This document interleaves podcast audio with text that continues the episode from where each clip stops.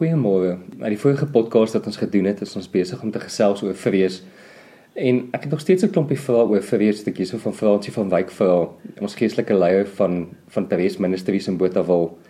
En ek wonder oor hoe dra ons woorde by om vrees in ons eie lewens en mense rondom ons te kweek? Dit is so maklik as 'n mens dink aan uh elke plek waar ons in gesprekke uh betrek word, ehm um, letterlik van in ons huishouding uh waar jy nou byvoorbeeld kyk na die nuus en jy luister na iets slegs wat gebeur het in die land ehm um, en miskien in die uh, politieke arena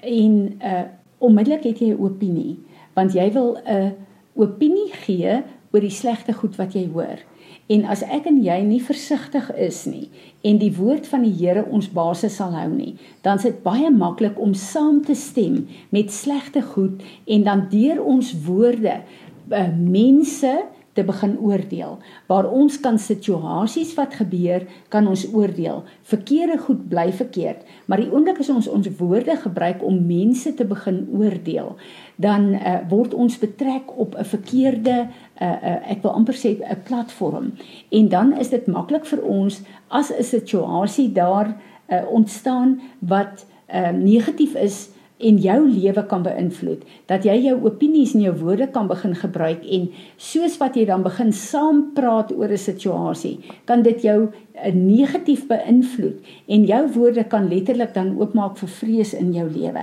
En as jy dan kyk na hierdie negatiewe situasie in plaas daarvan om dit te trek na 'n plek van geloof toe om te sê met jou woorde, daar is niks wat met my kan gebeur in hierdie land of in die wêreld wat my God nie kan hanteer nie, want dis die belofte wat die Here vir my gee. En uh, dit is die plek van waaruit ons moet dink en hierdie negatiewe situasies moet uh, evalueer. As ons kyk na byvoorbeeld uh uh wat so 'n uh, algemene ding in Suid-Afrika is, as jy genooi word vir 'n lekker braaivleis Saterdag aand, jy kom daaraan met die verwagting om 'n heerlike kuier saam met vriende te hê en onmiddellik word daar dalk 'n negatiewe situasie. Ehm um, weer eens goed wat in die land gebeur of die finansiële 'n uh, 'n uh, klimaat van Suid-Afrika uh, word daar bespreek en uh, uh, baie keer sal daar goed bespreek word waarmee jy nie saamstem nie en ek dink hierdie is so belangrik dat ons daaroor praat uh, Piet. Uh, as jy nie daarmee saamstem nie, deur stil te bly, stem jy eintlik ook saam. So jou woorde wat jy sê of jou woorde wat jy nie sê nie, het 'n groot effek om vir jou deur oop te maak vir vrees en jy sal wegstap daar en as jy nie toegelaat het dat jy jou uh, opinie van geloof lê in daai gesprek nie, sal jy wegstap met saad van vrees in jou hart en dit sal begin groei in jou gedagtes en voor jy jou kan kry dan begin daai woorde van vrees uit jou mond uit ook vloei. Behalwe ons woorde, is daar nog goed wat ons in ons lewens doen wat wat bydra tot met tot vrees?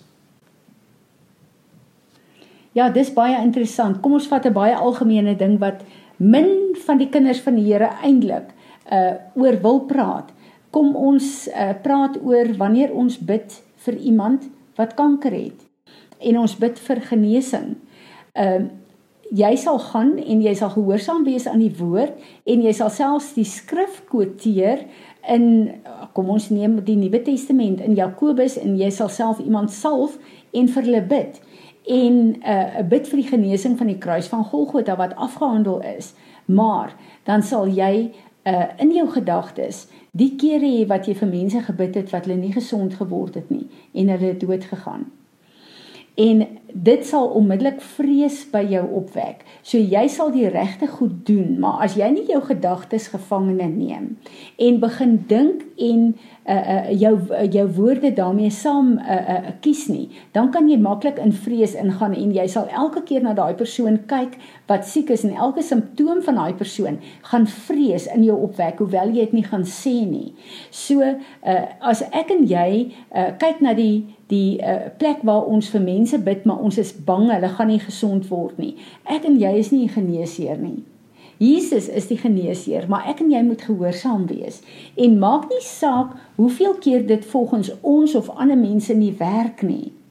Ons kan nie vrees toelaat nie want dit gaan ons skeer en ons gaan bid met die regte woorde maar in ons hart en ons gesindheid is daar vrees en dit kan 'n totale blokkade wees vir genesing vir mense. So ek dink vrees is so diep liggende ding dat ek en jy 'n uh, doelbewus ons gedagtes gevangene moet neem en seker maak dat vrees nie in ons hart is en onderliggend in ons hart is nie. Kan jy ons lyne gebed dat ons hierdie vrees aan die Here toe kan bring dat Heilige Gees ons harte vir ons kan begin wys waar vrees oral is sodat ons hierdie strukture kan begin afbreek in ons harte. Vader, dankie dat ons U Heilige Gees het om ons te leer. Heilige Gees, U is die een wat heilig is. Ek wil ver oggend bid dat U ons sal help om elke gedagte van vrees, elke wortel van vrees wat in ons hart en in ons emosies is, dat U dit na vore sal bring, Here, dat ons letterlik hierdie ehm um, triggers van die vyand, triggers van vrees wat die vyand in ons inkom uh plant het, dat ons hierdie goed onder leiding van U uh, openbaringskennis sal raak sien en dat ons wanneer dit nodig is sal bely as ons goed moet bely maar dat ons u sal vasgryp om hierdie goed uit ons uit te kry Here en dat u elke ding wat in die duisternis in ons lewe is van vrees dat dit aan die lig sal kom dat ons daarmee kan deel en dat hierdie skrif wat u vir ons gegee het in Timoteus dat u nie vir ons 'n gees van vrees gegee het nie maar van liefde selfbeheersing en 'n sound mind. Here dit is waar ons wil kom so ons wil vra dat U asseblief sal kom en dat U vir ons elke keer wanneer vrees inkom by ons, dit sal wys dat ons sal weet wat in ons harte is. En ons bid Here dat U geloof die die stronghold in ons lewe sal wees en dat vrees die knie sal buig en sal gaan in die naam van Jesus Christus, ons Heer en ons Meester. Amen.